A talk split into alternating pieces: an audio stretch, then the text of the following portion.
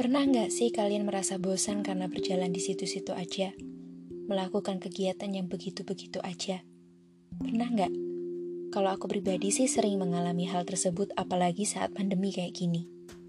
Oke, aku kadang bosan dengan kegiatanku yang berputar di situ-situ aja. Bahkan ruang gerakku terhambat karena aku harus terkurung di rumah. Dinding hangat yang biasanya kurasakan saat di rumah perlahan mendingin akibat terlalu lama aku berada di dalamnya. Jujur, aku muak sama kondisi seperti ini. Tetapi aku menyukainya. Aku bukanlah orang yang suka keluyuran ke sana kemari karena aku lebih baik memilih tinggal di dalam rumah. Namun terkadang rumah terasa bukan seperti rumah.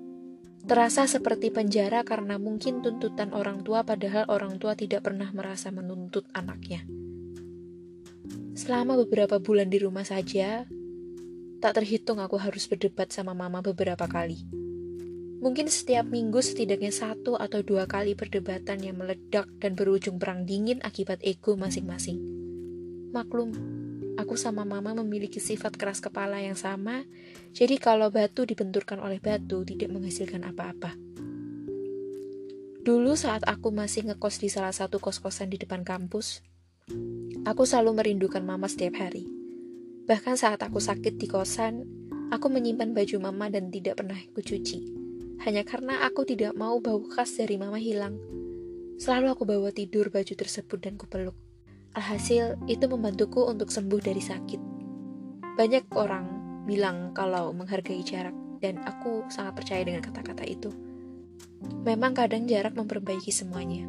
Jarak tidak seburuk itu rupanya. Namun sekarang, karena aku dan mama saling bertemu, aku jadi sering berantem. Sekarang aku jadi paham bahwa jarak itu sangat bermakna. Kedekatan juga sangat bermakna. Tapi ingat secukupnya terlalu dekat juga berbahaya. Well, selain berantem dengan mama, perasaan yang paling aku benci saat itu adalah I lost hope.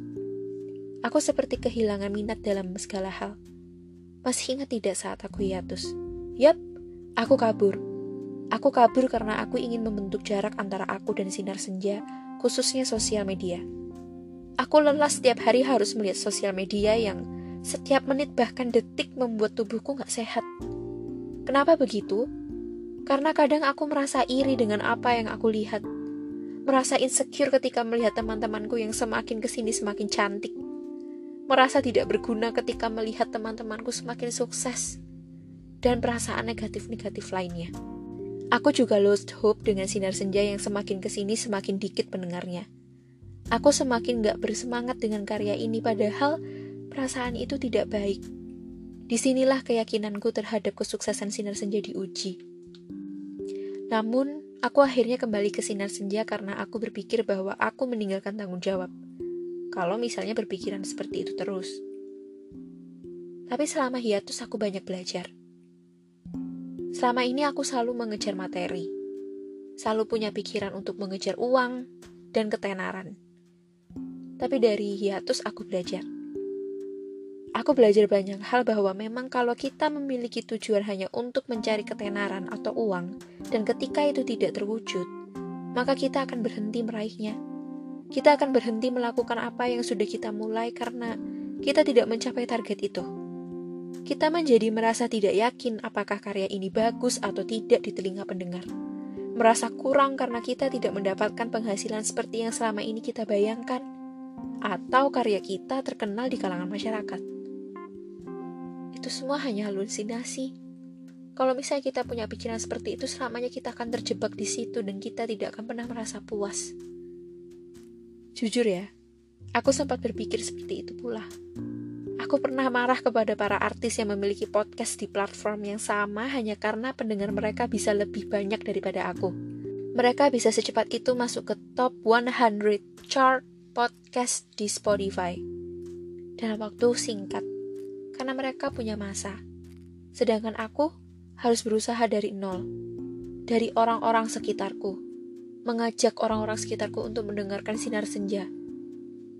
Tapi aku senang, banyak di antara mereka yang setia dengan sinar senja dan selalu mendengarkan. Aku sempat marah karena mereka mengambil jatah untuk orang-orang awam seperti kami. Semua dikuasai oleh artis mulai dari podcast sampai YouTube.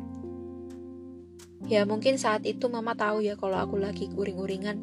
Akhirnya ada kalimat-kalimat yang membuat aku jelek gitu. Waktu itu mama bilang kayak gini, Kak, rezeki sudah diatur sama Allah. Kamu tidak perlu ragu. Sekarang kamu konsisten dengan apa yang kamu lakukan, karena ketika kamu hanya memikirkan tentang uang dan ketenaran, maka kamu selamanya gagal. Kok bisa gitu? Tanyaku ke mama. Karena kamu penuh dengan keraguan dan kecemasan dalam langkah. Ingat kak, jangan pernah mengcancel mimpi-mimpimu. Kalimat-kalimat yang terlontar itu mampu menguatkanku dan akhirnya aku kembali ke sinar senja dengan semangat. Wah, kadang aku bisa sedekat itu ya sama mama. Dari Mark Manson sendiri di bukunya yang berjudul Sebuah Seni untuk Bersikap Bodoh Amat, aku juga belajar hal serupa. Kalau kita tujuannya hanya untuk materi dan ketenaran, maka aku akan gagal karena aku tidak yakin dan merasa cemas dalam setiap langkahku. Akhirnya aku berusaha sekuat tenaga untuk mengubah mindset agar tidak berpikir tentang jumlah pendengar, penghasilan yang akan aku dapat, ketena, kete, ketenaran yang akan aku gapai, dan lain sebagainya. Asli, untuk tidak berpikir seperti itu sangatlah susah. Mengubah mindset seperti itu tuh susah sekali. Apalagi saat lingkunganmu tidak mendukung. Wah, berat. Aku gagal. Aku pernah gagal memegang sinar senja. Ya, aku gagal gara-gara pemikiran itu. Aku pernah jenuh dengan sinar senja yang tidak berkembang sama sekali. Aku juga pernah benci sama diriku sendiri karena aku gagal untuk meraih ketenaran dan uang. Namun ketika aku merasa gagal dan jenuh, aku mulai teringat kembali kata-kata Mama dan Mark Manson itu. Aku juga ingat kembali tujuan aku membuat sinar senja ini untuk apa. Aku tidak boleh menyerah, aku harus terus berjalan meskipun itu lambat, sedang, atau cepat. Gagal, derita, rasa takut, dan kecemasan itu memang tidak enak. Semua orang berusaha untuk menghindarinya. Aku sendiri juga tidak mau berurusan dengan hal itu. Hanya saja, ketika kamu memulai sesuatu dan itu sudah menjadi mimpimu, kamu akan terus berhadapan dengan hal itu, hal-hal yang membuat dirimu sedih. Saranku jangan ditakuti. Kalaupun nanti kita jatuh ke lubang itu, itu adalah suatu pelajaran paling berharga untuk kita jangan dihindari, jangan dimusuhi, tetapi diterima. Justru hal-hal menyakitkan itulah yang membantu kita untuk menjadi orang yang lebih baik dan semakin baik lagi ke depan. Setidaknya kita punya pelajaran, setidaknya kita pernah gagal. Hal ini juga berlaku untuk kita yang mengalami rasa gagal, menderita, rasa takut, dan cemas dalam hal percintaan. Kalaupun kalian akhirnya bertemu dengan hal-hal itu, tolong jangan dihindari, hadapi, jalani. Itulah yang membuatmu menjadi lebih dewasa untuk ke depannya dan tahu mana pasangan yang baik dan buruk untukmu. Kalian paham kan? Aku yakin kalian pasti paham maksudku. Kalau misalnya kalian masih belum paham, akan aku jelaskan dengan ibarat. Ibaratnya adalah seperti cabai. Pasti banyak yang gak suka sama cabai kan, karena rasa pedasnya. Dan banyak orang-orang yang mengidap penyakit mah atau asam lambung itu sangat menghindari cabai. Banyak orang-orang bermain set bahwa cabai itu sangat berbahaya buat pencernaan dan lain-lain. Tapi kalian tahu tidak? Ternyata cabai cabai itu punya kandungan vitamin C lebih banyak daripada jeruk dan lemon. Dari sini kita bisa belajar bukan? Hal-hal yang buruk belum tentu buruk dan hal-hal yang baik belum tentu baik. Sesuatu yang buruk tuh pasti ada baiknya.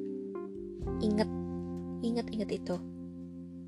Mungkin kalian akan bertanya kepadaku, apa yang aku lakukan ketika aku jenuh dengan kegiatanku? Jawabanku adalah aku berhenti sementara.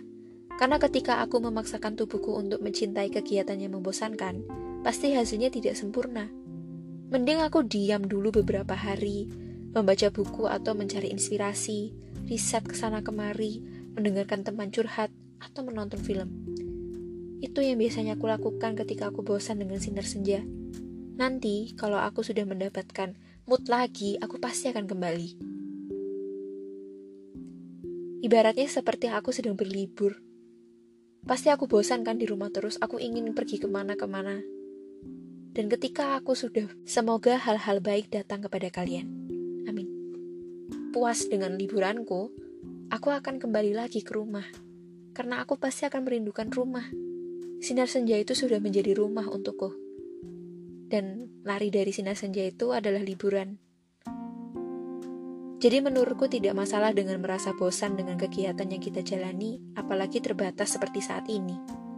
Tapi ingat, secukupnya. Bosan gak apa-apa. Berhenti terlalu lama dan tidak kembali itu jangan. Karena ketika kamu sudah memilih untuk berhenti lama, kamu akan merasa nyaman dengan kamu tidak melakukan kegiatan yang sudah kamu lakukan sebelumnya. Kamu akan melupakan karya yang sudah kamu bentuk. Itu bahayanya. Di sini aku tidak ingin menggurui siapa pun. Aku hanya ingin sharing tentang pengalamanku. Tujuh bulan bersama sinar senja di tengah pandemi ini. Struggle-nya dan bagaimana aku menghadapinya. Aku juga belajar. Kita sama-sama belajar. Pesanku satu, jangan pernah membatalkan mimpimu, karena ketika kamu tidak yakin dengan mimpimu, maka itu tidak akan terwujud. Semangat semuanya!